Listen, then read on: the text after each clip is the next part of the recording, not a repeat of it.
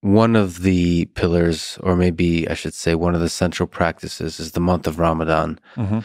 Uh, what is the importance of this month? Um, what does the process of it entail also? So Islam has, I think it'd be good to maybe lay this out for people. Step back, the the, yeah. the articles of faith and the pillars of Islam. So the Sure. articles of faith, there are six articles of faith, and this kind of lays the foundation for the creed of Islam. So belief in God, belief in the angels, belief in the messages, belief in the messengers, okay, belief in the day of judgment, and belief in divine decree. Mhm. So these are the six articles of faith belief in God, belief in the angels, belief in the messages being the scriptures, belief in the messengers being the prophets, belief in the day of judgment, and belief in divine decree. Uh, that's what you have to believe to be a Muslim. You have to believe in those six things, right? And then you go to the pillars of faith. The five pillars of faith are sort of, or, or they make up the structure of those articles of faith, the practice of the Muslim. So, to be a Muslim, you testify that there's only one God worthy of worship and unconditional obedience. And then you testify that Muhammad is the final messenger of God. That's the first pillar. It's the actual testimony entering into Islam. Then it's the five daily prayers, practicing the five daily prayers at least as a bare minimum obligation, the mandatory charity, which is called the zakat, that Muslims have to give at least 2.5% of their retained earnings uh, to specific categories of charity. Then it is the fasting of the month of Ramadan, the mandatory fasting of the month of Ramadan. And then it's the Hajj, if you can do so, the pilgrimage, if you can do so once in your lifetime. So those are the five pillars of Islam. So Ramadan is a month in which Muslims engage in this incredible spiritual boot camp. Now, fasting can mean different things to different people. Uh, when we fast, we fast from before sunrise to sunset for an entire month, and there's no food or water, period, and no intimacy as well. So you would abstain from intimacy with your spouse as well in that time. No food or water, no bread, no nothing. Uh, you don't eat or drink, even if you live in Texas, where you get the, where you get these long hot days in the summer. And of course, Islam is on a lunar calendar, so it moves every uh, every year, uh, about ten days earlier. During that time, you restrict the intake uh, to the body so that you can focus on the intake of the soul.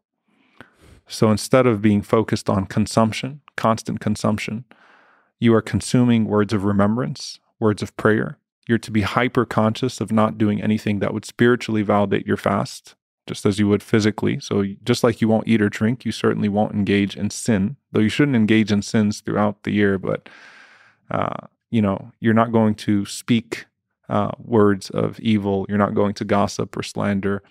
Uh, you try to fast with your eyes, not look at things that are not praiseworthy.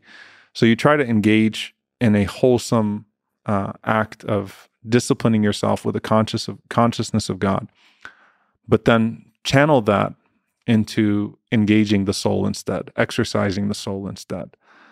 And what you'll find with Muslims and this act of God consciousness, where they reduce the consumption, is they become far more grateful for the blessings of God because throughout our lives, we just take sips of water, we eat what we can, we snack. When you're abstaining from that, you become so much more grateful for that sip of water, so much more grateful for that bite of food, so much more aware of the one who provided those blessings to you, so much more aware of those that don't have the same access to those blessings that you have. So you also develop a sense of empathy for the poor that don't have access to those blessings on a regular basis, that can't help but fast.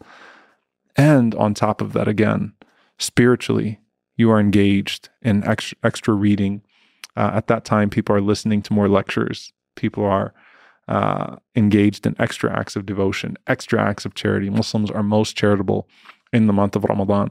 So you just feel great. And it's hard to explain to someone that doesn't do it because it sounds like torture to people, right? what in the world are you doing, you know, four o'clock on a hot Texas day, not eating or drinking? You're probably dehydrated and cranky, have a caffeine headache, and you probably can't wait for this month to be over. But in reality, you talk to Muslims, their favorite time of the year is Ramadan.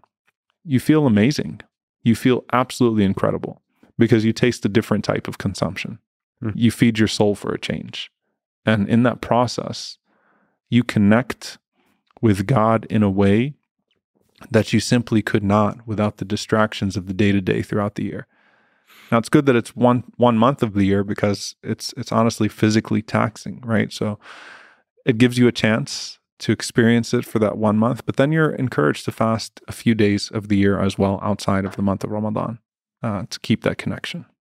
What are the hardest parts that maybe uh, for people outside of uh, uh the Muslim faith, um, yeah, would be curious about? Well, I think the hardest part is is uh, physically. Is it physical or is it the spiritual?